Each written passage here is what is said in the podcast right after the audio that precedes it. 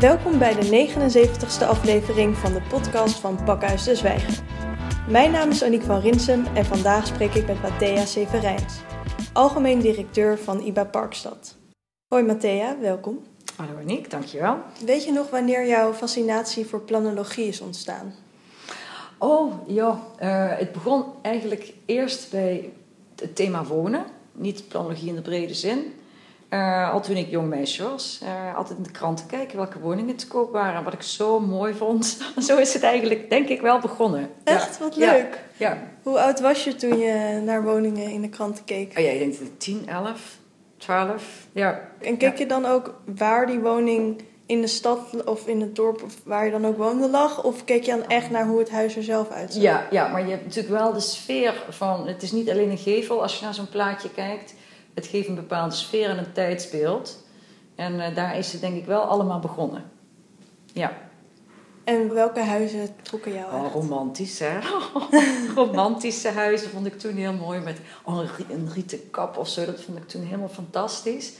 Maar ja, goed, dan ben je ook nog een jong meisje. En uh, zo kijk je dan een beetje. Ja, dat heeft zich natuurlijk op allerlei manieren ontwikkeld. Ja. En wat voor huizen vind je dan nu bijvoorbeeld mooi? Oh, ik vind, uh, je kan niet zeggen dit of dat. Het is heel, inderdaad heel erg afhankelijk van de setting. Uh, waar staat een huis wat in zijn omgeving past? past het qua maat en schaal en qua gevoel? ik vind bij een woning komt heel veel gevoel kijken. Voelt het oké, vrolijk, veilig? allemaal zaken die soms wat moeilijk zijn te bevatten in een simpele programma van eisen voor een architect. Maar wat wel iedereen heeft bij een huis. Ja, mooi. Nou. En je bent toen de studie planologie gaan doen? Ja, ja dat ben ik uiteindelijk uh, uh, gaan doen. En daar heb ik nooit spijt van gehad, want ik vind nog steeds het afwegen van belangen in een ruimte, een ruimtelijke setting, vind ik heel relevant en heel interessant. En kan je ook met iedereen over spreken, want iedereen kent wel een dilemma wat zich voordoet in de ruimte of in het gebruik in de ruimte. Kan je een voorbeeld van zo'n dilemma noemen wat jij interessant vindt om je mee bezig te houden? Oh ja, dat zijn er heel veel. Maar uh, eentje die me meteen te binnen schiet, hoewel het niet direct IBA is, is bijvoorbeeld uh, het landschap in Zuid-Limburg, gaat mij erg aan het hart. En bijvoorbeeld uh, het, de ontwikkeling van grote loodsen in het buitengebied. Een buitengebied wat fijnmazig is, kleinschalig, ook weer romantisch. Ja. En uh, er gaan dan toch grote loodsen op plekken uh, komen die terecht waarvan ik mij afvraag of dat wel. En wat voor over wat voor loodsen hebben we dan? Op bijvoorbeeld opslag van aardappelen of zo. Oké. Dus, dus toevallig iets waar ik dit weekend naar heb staan kijken, ehm, wat nu natuurlijk naar boven komt. Ja. En hoe weeg je die belangen dan af? Als je dus dat landschap wil behouden en er ook aardappelen opgeslagen moeten worden? Ja, ja, nou ja ik heb ooit uh, wel projecten gedaan bij dit soort zaken. En het gaat er even om wat je als belangrijkste waardeert. Eigenlijk is dit ook allemaal wel politiek. Wat vind je belangrijker? Het feit dat de economie kan uh, blijven draaien en dat die aardappels ergens verzamelen. Of vind je het belangrijker dat je wijdse uitzichten hebt, dat je het gevoel van historie en kleinschaligheid behoudt? Kijk, ik zeg niet, het is allebei belangrijk. Hè? Zowel uh, de toekomst van Nederland en natuurlijk de manier waarop wij landbouw doen is belangrijk. Uh, maar ook dat landschap. En daar kom je dus in een soort uh, dilemma, noem ik het even, terecht. En dan moet je keuzes maken. En dan heeft het met je waardestelling te maken. Wat vind ik belangrijk als ik ook kijk naar de lange termijn? Precies. Ja. We zitten hier toevallig in een raadhuis, dus hier wordt ook wel veel misschien gepolderd. Is er ook veel polderen bij planologie? Ja, ik weet niet of je het uh, polder... Kijk, polderen zit overal. Maar ik denk bij iedereen... Iedereen moet compromissen maken in het leven, in het werk. Het is allemaal een beetje geven en nemen. Maar je moet weten waar je grenzen zijn. Dus uh, wanneer, wanneer beweeg ik eigenlijk niet meer en gaat het, gaat het voor mijn principes te ver? En dat verschilt per persoon. En uh, dat is het interessante aan planologie. En je probeert zoveel mogelijk te kijken naar allerlei criteria of onderdelen op een rijtje te zetten. En zeggen, wat is het belangrijkste voor mij? Wat geeft voor mij de doorslag? En dan zou ik er dus voor kiezen om die loods niet neer te zetten.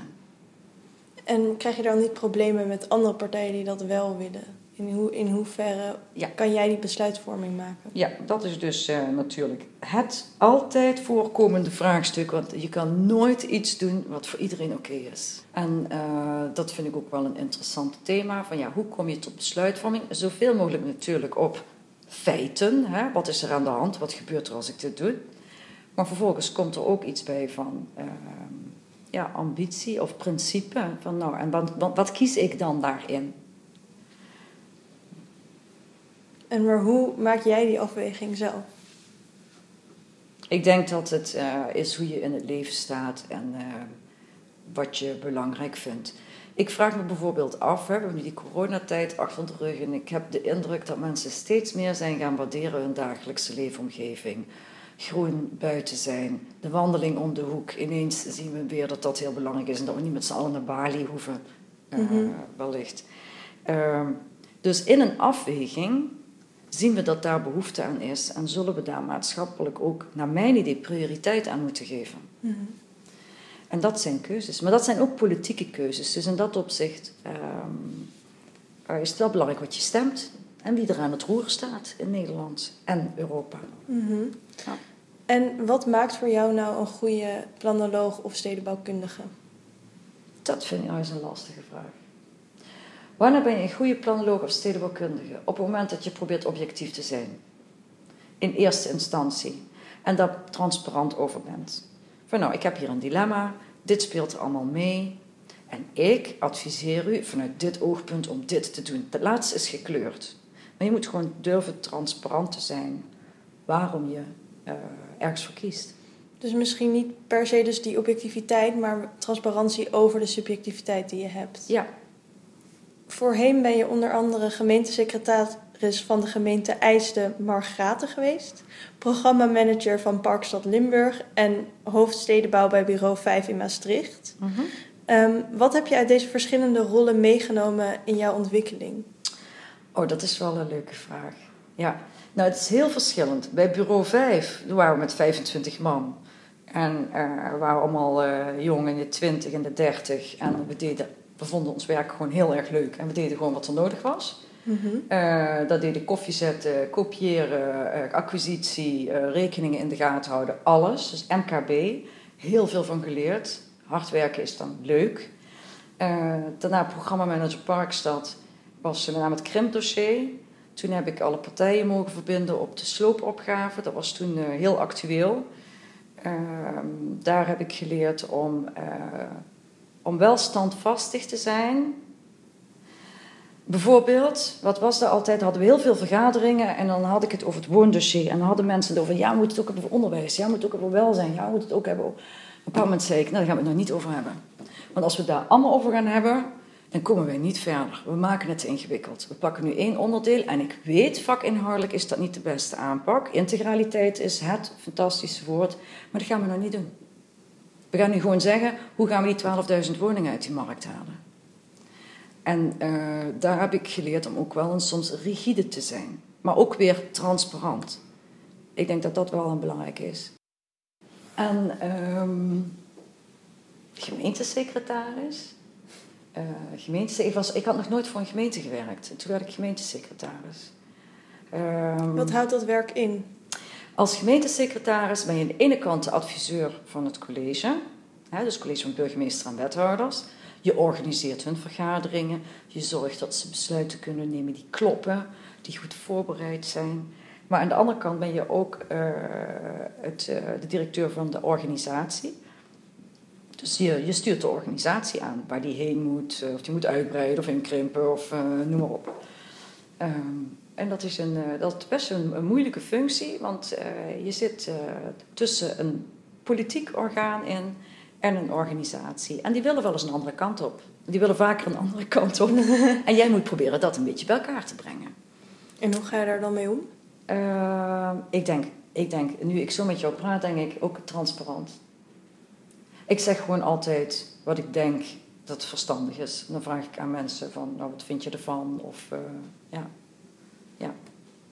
En Dus dat is wel een hoofdlijn om gewoon ge- transparant duidelijk te maken Ja. hoe jij het ziet. Maar dat komt denk ik ook omdat je dus wel duidelijke ideeën hebt over wat jij denkt dat de juiste koers is. Ja, maar ik weet namelijk ook hoe het voor mij werkt aan de andere kant. En als iemand mij probeert uit te leggen waar die ergens voor kiest, eh, dat vind ik prettig dat ik het snap. Het zou misschien niet mijn keuze zijn, maar ik begrijp het wel.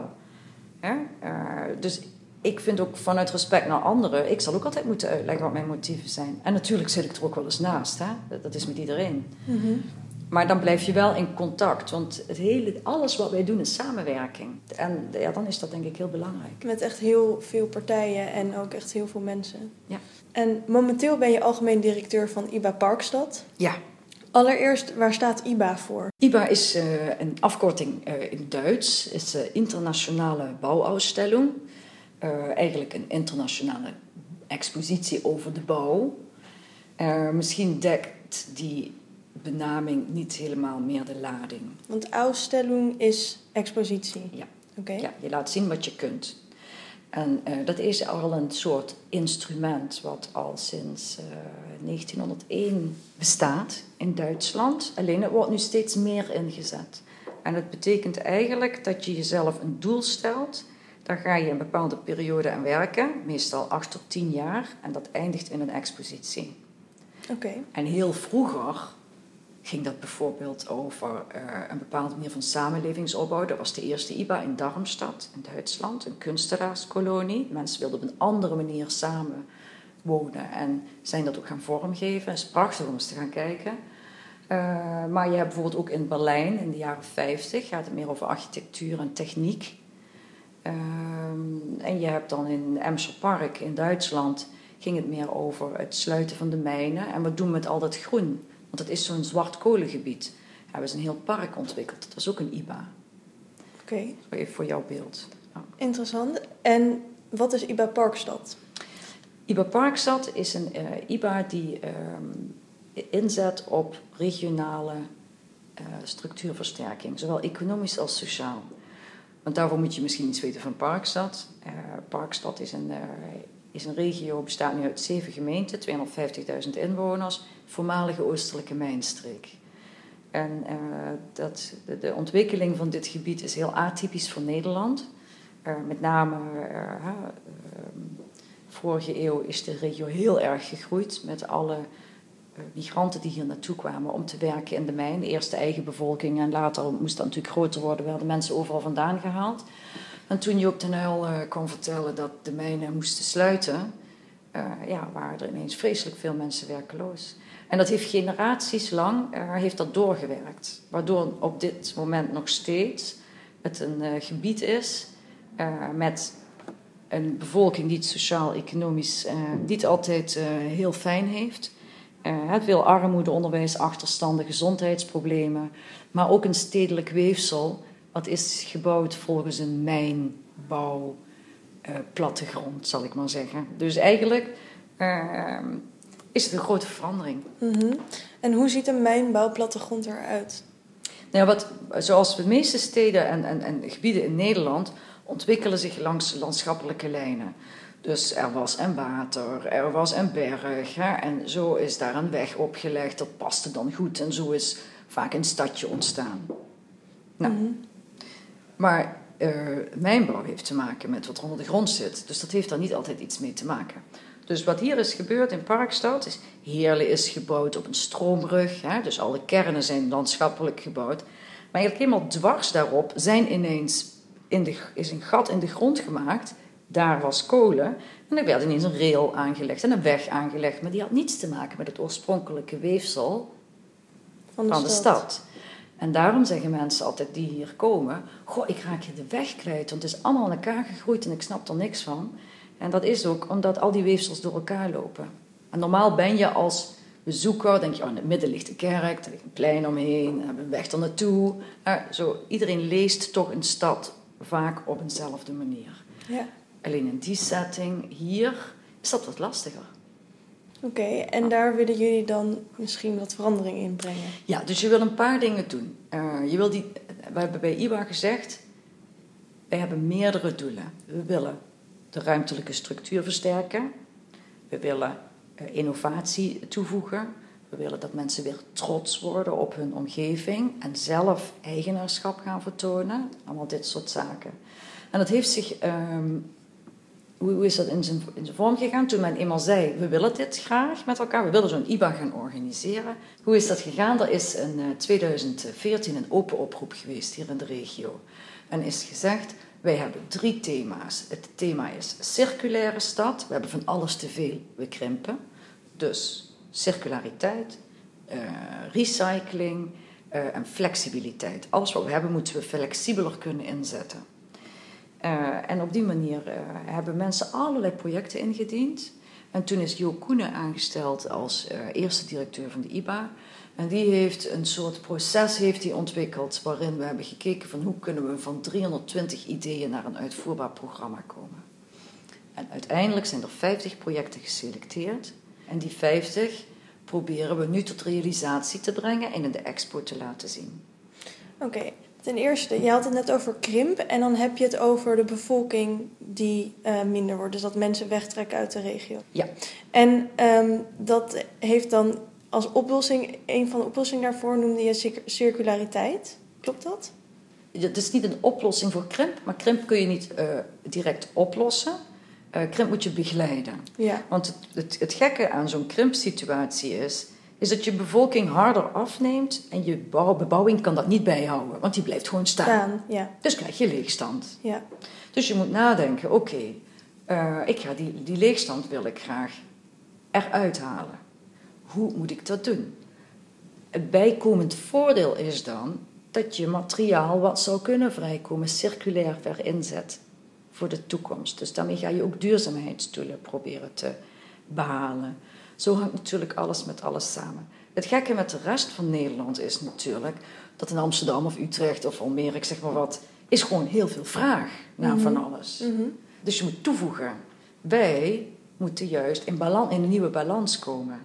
Want de krimp is niet zo hard als dat misschien ooit voorzien, maar er is wel sprake van. En ook die bevolkingspyramide, de mensen vergrijzen gewoon behoorlijk. Dus het vergt iets heel anders van je bebouwing. En je moet kwaliteit blijven toevoegen. Dus als je kijkt in zo'n stad zoals wij, die ontwikkeld is in de mijnbouwperiode, hebben we heel veel woningen uit de jaren 50 en 60. Kenmerk van woningen uit de jaren 50 en 60, die zijn niet duurzaam. Hè? Mhm, ja. Dus, uh, en die zijn heel duur eigenlijk om te zeggen van nou, ik ga ze nu nog allemaal renoveren. Mhm. Dus dat soort keuzes moet je maken. Waar ga ik renoveren? Waar ga ik slopen? En het complexe daarbij is ook nog eens dat het verdienmodel heel beperkt is. In Amsterdam kun je die woning zo verkopen. Mensen betalen weet ik veel wat voor een rijtjeswoning. Dat is hier wel even wat anders. Ja. Dus het is een, uh, gewoon een hele andere situatie om een stadsplanning te doen. En als je dan kijkt naar IBA, dan zeggen we bijvoorbeeld, nou laten we vooral heel goed nadenken over hoe we groengebieden gaan openleggen, verbinden, toegankelijk maken vanuit de woonwijken, waarmee we het meteen ook de stad weer wat beter structureren. Hè? Want je kon je weg er niet goed vinden, dus zo. Um, Heb je daar een concreet voorbeeld van? Ja, bijvoorbeeld wat je ziet is, we hadden heel veel uh, groenzones, dat waren, die waren ook gekoppeld aan de voormalige mijnterreinen. Nou, stukken zijn bebouwd, stukken niet, weer verwarrend. Hè? Uh, um, maar uiteindelijk hebben we dus gezegd, uh, dit gebied heeft kwaliteit. We hebben zilverzandgroeves ook. Het is eigenlijk ook een mijnbouwgebied, maar dan dagbouw, hè, zilverzand. En hebben we gezegd van nou oké, niemand kan het zien. Het ligt midden in de stad, waterpartijen, nergens heb je open, open water hier.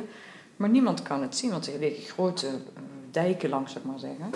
Uh, goh, kunnen we daar een IBA-project van maken? Kunnen we dit gaan openmaken? Kunnen we hier een fietsroute langs leggen? Kunnen we een, een, een uitkijkpunt aanleggen? Kunnen we het koppelen aan de mensen die daar in de buurt wonen, zodat ze een ommetje gaan doen of gaan sporten?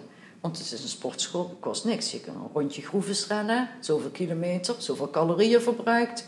Ga het doen. Mm -hmm. Dus dat je zaken bij elkaar brengt van gezondheid, groen, beweging, uh, toegankelijkheid, opnieuw structuur aanbrengen. Wanneer is het idee ontstaan om de IBA-aanpak naar Limburg te brengen? Dat is ontstaan, denk ik, rond 2009 of zo.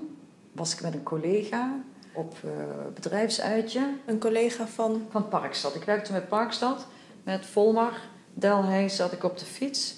En toen zeiden we tegen elkaar, wat is het moeilijk, hè, want ik deed toen woningmarkt, om hier beweging in te brengen. Want ons hele bestel is geënt op stadsontwikkeling waarbij je geld verdient, waarbij grond iets waard is, waarbij we programma toevoegen, waarbij er kopers zijn. En wij hadden toen een markt, die stond helemaal stil. Het was en economische crisis en we hadden van alles te veel. Dus uh, toen heb ik ook zoiets gehad van wij komen er niet meer uit met normale instrumenten zoals we die in Nederland kennen, bestemmingsplannen, uh, nou, noem maar op. We hebben iets anders nodig. En uh, in de tijd bij het bureau had ik een aantal IBA's gezien en toen dacht ik, ja, misschien is dat het vehikel om mensen bij elkaar te brengen, om middelen bij elkaar te brengen, om te zeggen, we gaan het eens anders doen. En zo is dat idee ontstaan. En daar is de regio ook verder vervolgens verder mee gegaan.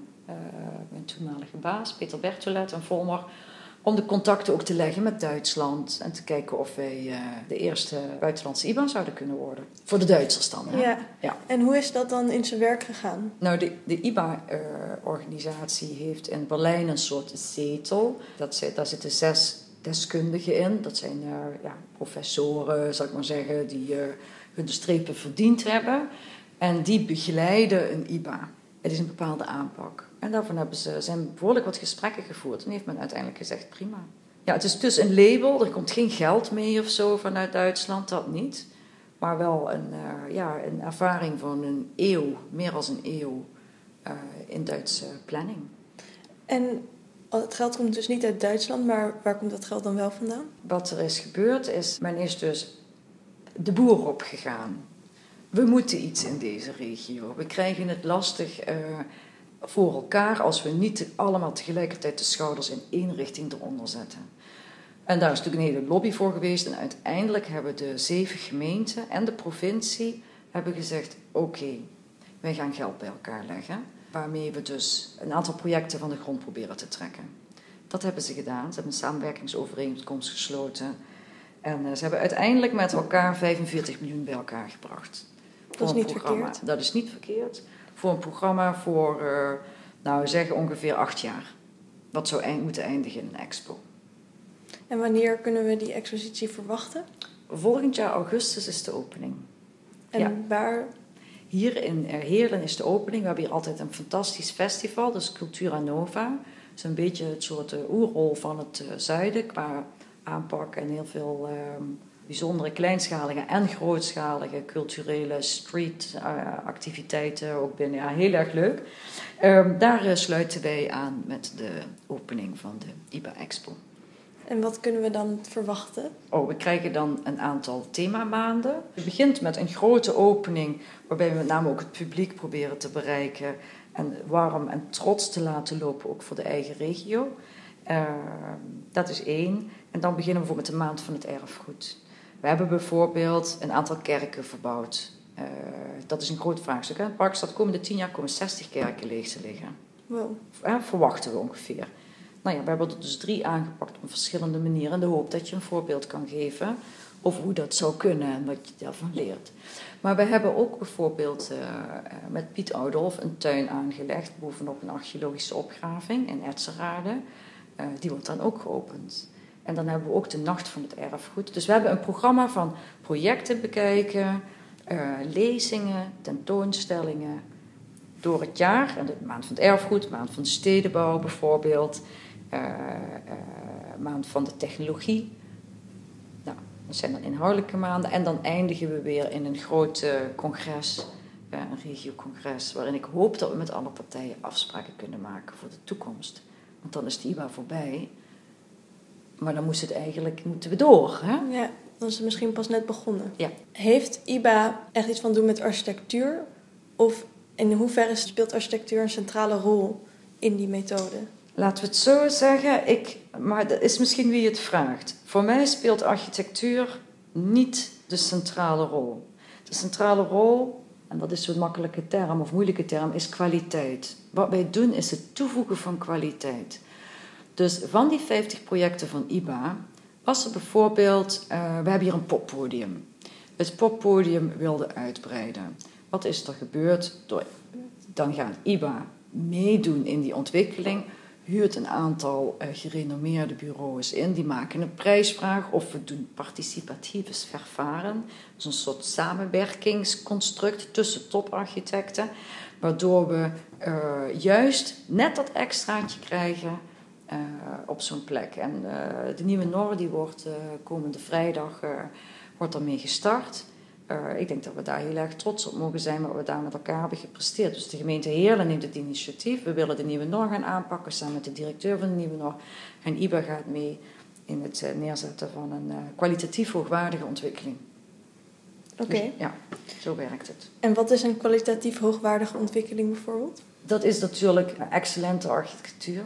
Of dingen bij elkaar brengen die men misschien in eerste instantie niet had verwacht. Zoals? Zoals, um, we hebben een uh, kunstenaar in, uh, in onze gemeente, die uh, is al op leeftijd, maakt heel mooi werk, scha schoffelen. En die heeft gezegd, ja, ik wil eigenlijk in mijn achtertuin, wil ik graag weer de grachten van Etserade zichtbaar maken. Oké. Okay. Dat was van het oudsher archeologisch en verwacht men dat daar grachten hebben gelegen. Nou wisten wij dat uh, 500 meter verderop iemand een afgraving was aan het maken voor een waterbekken, een waterschap. Nou, dus door mensen bij elkaar te brengen, met waterschap gesproken, kunnen we waterbekken op de plek brengen van die kunstenaar. Die kunstenaar zegt, oké, mooi dat jullie dat dan doen in mijn achtertuin. Jullie mogen hem ter beschikking hebben.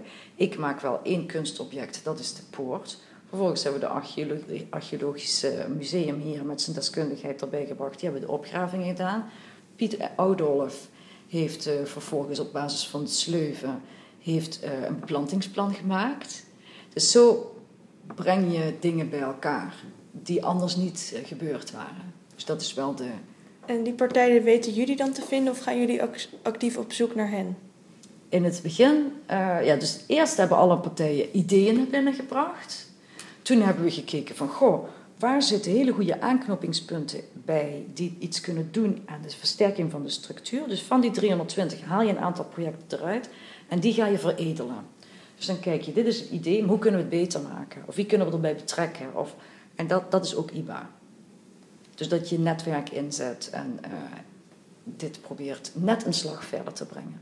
Je bent ook betrokken bij Wij Maken Nederland, een onafhankelijk platform voor de ruimtelijke toekomst van Nederland. En binnen Wij Maken Nederland maak je deel uit van de adviesraad van de leerlijn Duurzaamheid en Demografie. Ja.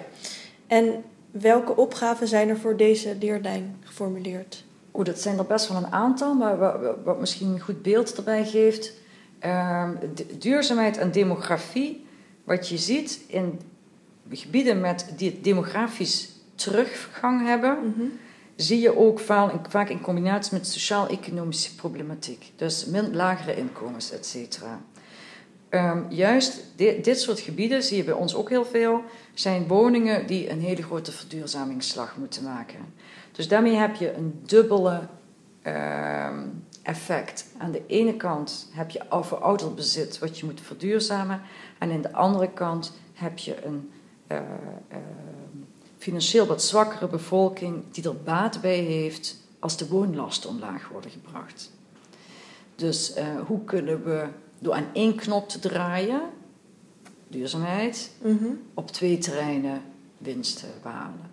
Ja, er wordt ook wel gesproken van synergievoordelen als het gaat om duurzaamheid en demografie. Ja. Dus dat zowel de doelstellingen om betere duurzaamheid te hebben en de demografie vooruit te helpen. Een beetje een soort van twee vliegen in één klap achtige methode. Synergie wel, ja. Een beetje twee vliegen in één klap. Dus bijvoorbeeld uh, bij ons demografie. Je hebt een overschot van 10.000 woningen van, nou zeg, 100.000 vierkante meter retail. In deze regio heb je een overschot. Dan kan je denken, nou oké, dat, uh, simpel gezegd, dat sloop ik en dat gooi ik in de prullenbak. Je kan ook zeggen van nou, ik ga die materialen hergebruiken. Misschien kan ik ze wel hergebruiken op een locatie waar ze wel een opgave hebben. Het is ook dat we moeten durven wat groter te denken dan uh, ons eigen gebied of dan uh, de Randstad of dan Limburg of hoe je het ook bekijkt. Maar sommige opgaves uh, wat betreft duurzaamheid en energie liggen heel duidelijk op een ander schaalniveau. Dus we hebben hier wat te veel. Kunnen we iemand ook plezier doen met het te veel? Is daar een businessmodel in? Ja. Het handelen in bouwstoffen. En vaak misschien dus wel. Ja, dat gaan we onderzoeken in zo'n leerlijn. Ja. Oké, okay, interessant. En in hoeverre sluit wat IBA Parkstad doet aan bij die leerlijn demografie en duurzaamheid? Nou, een van de thema's van ehm, de IBA is reuse, hergebruik. En wij hebben een aantal ehm, eh, projecten waar we onderzoekend in het project zitten ten aanzien van hergebruik. Dus we hebben bijvoorbeeld vier galerijflats in Kerkrade. Uh, waar we inderdaad, die zijn we aan het doorzagen, zal ik maar zeggen. Onderdelen daarvan gebruiken om daar weer woningen van te bouwen. Uh, nou, en dat is puur experimenteel. Dus dan zie je bijvoorbeeld dat als je dus één appartement uitzaagt uit een galerijflat en je zet die op de grond en je denkt, oh, dan ga ik daar een woning van maken, want ik heb een andere behoefte hè, in de toekomst. -hmm. Uh, dan uh, mag dat ineens niet, want het past niet meer in het bouwbesluit, of er zit geen garantie meer op, of het beton tegenwoordig moet anders zijn. Of... Dus wat wij daarmee proberen aan te kaarten, is dat we zeggen wel in 2050 moet alles circulair zijn, maar aan de andere kant hebben we allerlei regels en afspraken die dat onmogelijk maken. En door dit soort projecten te doen, uh, komt dat naar de oppervlakte drijven en kun je het aankaarten. Kun je het aankaarten bij bijvoorbeeld beleidsmakers of bij de overheid. En op welke manier kaart je dat dan aan? Um, nou, door, en dat is natuurlijk het voordeel wat ik heb, mijn aandeelhouders zijn ook overheden. Uh, dan vertel ik aan hun, ik zeg van nou, we zijn dit en dit project aan het doen. En uh, dit en dit is het probleem. Ik ga bijvoorbeeld mijn expo niet halen omdat ik uh, niet de goede certificering krijg van mijn beton. Even heel plat geslagen. Mm -hmm. Oh, oh, ja, nee, dat is wel een probleem. Nee, dat, uh, oh, is dat aan de hand? Mensen hebben gewoon geen idee. Dus wat je dan doet is agenderen. Je zorgt dat het op de agenda komt. En doen natuurlijk alleen, hè, dat doen we met alle partners die in al die projecten zitten. Uh, maar dat doen we wel als IBA. Dus we zien een kans, reuse. We gaan ermee innoveren. We gaan het doen met partners die ook die ideeën hebben. Dan komen we tot het punt dat we zeggen: oh jee, problemen. Hoe gaan we die oplossen? Nou, dat is heel belangrijk. Dat is het leren. En wat is het grootste verschil van hoe er voorheen met de krimp en bijvoorbeeld klimaatverandering werd omgegaan en hoe IBA Parkstad daarmee omgaat? Nou, ik denk, ik, denk ik, ik zou niet zo duidelijk zo zwart-wit stellen. Wat ik zie is een hele ontwikkeling uh, in zo'n regio, waarin je zegt van nou rond 2000, uh, het goed? Ja, 2005 zegt er ineens iemand, volgens mij gaan we krimpen. Uh, vervolgens proberen we aandacht te krijgen voor dat probleem. Iedereen denkt, die zijn gek. Wat is dat nou? Dat kennen we niet. Nederland is een land van groei. vervolgens moet je adresseren, adresseren. Toen kwam Van der Laan, toen nog minister deze kant op. En die zei: Dit is inderdaad echt wel een vraagstuk, hier moeten we wat mee. Toen gingen we agenderen. Toen zagen we hoe moeilijk het was om zaken echt te veranderen, omdat de regels heel anders in elkaar steken. Toen hebben we gezegd: Nou, dan maar een IBA. Daar gaan we mee experimenteren. Ook niet wetende wat dat precies allemaal zou brengen. Nou, nu zit je bij de IBA. Nu zit je dus echt dingen buiten te doen. En je ziet gewoon wat werkt en wat niet werkt. En waar de opgaves liggen. Dus het is eigenlijk één hele lange lijn van um, ontdekken, adresseren, agenderen. Um, en hopelijk dat men in, straks ook van het Rijksoverheid en de omgevingswet en alles, dat men zegt van oké, de opgave in Nederland is heel gedifferentieerd. Hij is hier heel anders als in Gelderland of in de kop van Noord-Holland. Um, hoe gaan we dit doen? En dan kom je bij de discussie over de intentie van de omgevingswet. En hoe we dat ook daadwerkelijk invulling gaan geven in zo'n regio als deze. Ja, het is interessant. Hè? Ja. Waarom denk jij dat er, dat er weinig um, vanuit de Randstad naar Limburg wordt gemigreerd? Kijk, als ik hier zo nu, nu kom, dan denk ik van wauw, het is hier mooi. En ja. ja. ik zou er best wat langer willen blijven. Ja, nou, dat is leuk, dat is leuk om te horen, dat willen we ook graag. Maar het is natuurlijk ook dat je denkt van. Um, uh, het was altijd vroeger de discussie: uh, volgt werk wonen of volgt wonen werk? Mm -hmm. Nou, in, in de regio waarin wij wonen, denk ik dat in eerste instantie wonen volgt werk. Dus mensen komen hierheen om te werken of ze, ze zijn hier geboren en willen hier heel graag blijven. Nou, waar ze heel erg op inzetten, dat mensen op de universiteiten, uh, hogescholen. Uh, ja, hoe kunnen we zorgen dat die hier blijven? Hoe kunnen we zorgen dat die hier een bedrijfje starten, dat er spin-off komt? En wat, wat, wat nog heel weinig wordt uh, gezien misschien, is de kans van de grensligging. Maar we wonen gewoon in een miljoenenomgeving met een prachtig uh, drielandenpark in het midden. Ja. Aken, Luik. Aken heeft de beste TU van heel Europa. Uh, ja, we kunnen daar straks eens naartoe. Het is gewoon een prachtige stad. Er gebeurt hartstikke veel. En het staat helemaal niet op netvlies van de, van de Nederlanders. Dus het is heel grappig. Luik ook. Gewoon, wordt gewoon Frans gesproken 20 eh, minuten verderop. Er zitten allerlei interessante instituten, culturele instellingen. Wonen miljoenen mensen. Valt gewoon van de kaart af. Het is gewoon heel moeilijk om het te zien als uh, één gebied ook in zijn kansen. Dus Europa heeft nog een lange weg uh, te gaan als je het hebt over dagelijkse uh, samenwerking.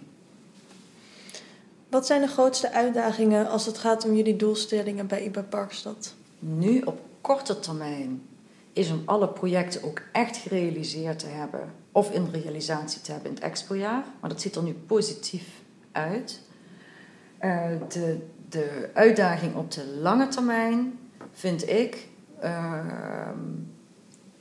hoe behoud je die uitvoeringskracht? Want doordat wij die IBA hebben georganiseerd, die zich kenmerkt door geld, deadlines, etc., waardoor iedereen gedwongen werd om met z'n allen naar dat ene deurtje te lopen en er allemaal op tijd doorheen te lopen, uh, dat werkt. Dat is mijn persoonlijke overtuiging. Dus hoe kunnen we nou straks, als iedereen door dat deurtje van de IBA is geweest, we hebben het allemaal gezien van ja, dan kunnen we toch maar eventjes met elkaar presteren. Wat dan? Wat is het volgende deurtje? Heb je daar al ideeën over? Um, ik ben daar wel gesprekken over aan het voeren. Van ja, wat zijn de belangrijkste opgaven natuurlijk? En moet je die bekijken op uh, parkstadniveau of op Zuid-Limburg niveau? Ik denk dat heel veel kansen voor dit gebied zitten in de combinatie van stad en land. Het is een heel aantrekkelijk gebied natuurlijk met en Maastricht en Heerlen. Uh, en het fantastische groene gebied en, en de internationale setting van Akel. Ik bedoel, je kan hier naartoe komen, je kan je een week, je hebt een fantastische week. En dan heb je op alle fronten ben je gelaafd. Cultureel, landschappelijk. het is gewoon fantastisch. Uh, het culinair nog maar niet te vergeten. Ja. Uh, dus ik denk wel, hoe kunnen we dat samenhangend neerzetten? Vraagstukken van landbouw, inclusiviteit, korte ketens, landvoet de stad. Alle ingrediënten zijn hier aanwezig. Zijn allerlei universiteiten hier in de buurt. Ik wil, eigenlijk denk ik altijd, en dat zal ook de vraag in eventueel een Novi-debat zijn: van ja, hoe kunnen we nou al die dingen die zo op afstand, op zo dicht bij elkaar liggen, ook echt tot een kans maken, die begrijpen? En hoe doe je dat? Dat vind ik wel de uitdaging op de lange termijn. En zijn er al een paar ideetjes daarover? Ik zelf ben een beetje simpel. Ik zou beginnen bij het eenvoudige. Uh, maar dat zijn denk ik weinig mensen met me eens. Ik zou beginnen als we zeggen we willen grensoverschrijdend meer gaan samenwerken. Ik zou beginnen gewoon bij de inwoners. Ik zou beginnen bij landschap. Ik zou beginnen bij het, uh, het, het, wij noemen dat drie landenpark. Hè. Dat is het Heuvelland, maar ook de Voerstreek. Het is een prachtig gebied. Iedereen die hier woont, je gaat de grens over, maar je weet het niet. En dat zou je bijvoorbeeld, naar mijn idee, het bewustzijn en de basis van we zijn Europeaan hier, de bron van Europa, dat is hier. Uh, dat moeten mensen meer in hun DNA gaan krijgen. Het zit er al, alleen we doen het niet bewust. Mm En van daaruit kun je wel zeggen, ja, die moet met die samenwerken, die moet met die samenwerken. Maar ik denk dat je de intrinsieke motivatie moet hebben om internationaal te zijn. En zie je al wat effecten van wat IBA al teweeg heeft gebracht? En zijn er ook uitkomsten die je misschien niet had voorzien? Ik denk dat IBA zeker een hele hoop teweeg heeft gebracht. Met name een aantal uh, goede projecten en beweging ook in de stad. Hier, er was een hele tijd, gebeurde niet zoveel in de bouw. Nu worden er echt een aantal plekken serieus aangepakt. Uh, dat is niet alleen dankzij IBA hoor, dat komt door een samenwerking en wederom die deadline en alles die dingen vloeibaar maken. dat gaat goed. En er zijn natuurlijk ook zeker dingen waarvan ik denk van ja, dat hadden we anders, uh, hadden we anders moeten doen. Nu, met de wijsheid van nu, hè, maar dat is ook helemaal niet erg. Ik denk, ik zou veel meer hebben geopteerd nu voor een bredere set aandeelhouders, niet alleen maar overheid. En wat voor aandeelhouders zou je er dan bij betrekken? Ik zou dan bijvoorbeeld uh, de Hogeschool Zuid of alle corporaties hebben ook een soort orgaan. dus onderwijs, corporaties, gezondheid slash zorg, cultuur. die zou ik, in, als ik het nog eens een keer zou doen, of in een andere vorm, denk ik dat ik een verbrede aandeelhouders zo. Want de opgave ligt toch tussen de partijen in. Ze hebben elkaar altijd nodig. Dus ik denk dat je dan uiteindelijk effectiever zou kunnen zijn. Mooi. Ja. Wat zou jij graag de komende vijf jaar zien gebeuren in deze regio? Ik zou heel graag één groen in de stad willen. Twee ehm, mensen die geloven in de streek en in elkaar en die eigenaarschap gaan tonen, die opstaan. En drie, een overheid die dat mee uh, stimuleert. Ik denk dat wij als IBA dat ook beter hadden kunnen doen. Wij doen wel dit soort dingen, maar had misschien meer gemogen. Dus dat is wel iets uh, wat ik belangrijk vind. Dus activeren, uh, groen in de stad. Kijk, en mooie architectuur vind ik geweldig, hè? maar uiteindelijk ehm, is dat niet wat ons echt naar de toekomst, de structuur, zou verbeteren. Het geeft wel hoop en vertrouwen en kwaliteit en trots. Allemaal belangrijk, maar er zijn ook andere dingen nodig. En de andere dingen zijn? Betrokkenheid uh, uh, bij elkaar. Uh, ik denk ook werkgelegenheid. Werkgelegenheid. De jeugd toekomst geven cultuur. Er is hier een heel goed cultureel aanbod. Ik hoop dat dat zo blijft. Want ik ben ook wel even nieuwsgierig en gespannen over alle effecten van corona natuurlijk. Wat dat hier gaat betekenen. Net zoals in de rest van het land. Ja. En ik hoop natuurlijk uh, dat we toch in staat zijn om het feit dat wij de bron van Europa zijn als dit grensgebied. Dat we dat meer naar uit gaan dragen als een kwaliteit en dat mensen dat ook zo gaan zien. Heel veel dank, Matthea Severijns. Graag gedaan. Beste luisteraars, dit was de 79ste aflevering van de podcastserie van Pakhuis de Zwijger. Een rating achterlaten of je abonneren op deze podcast kan via SoundCloud, Spotify, iTunes of een ander podcastplatform. Dank voor het luisteren en tot de volgende keer.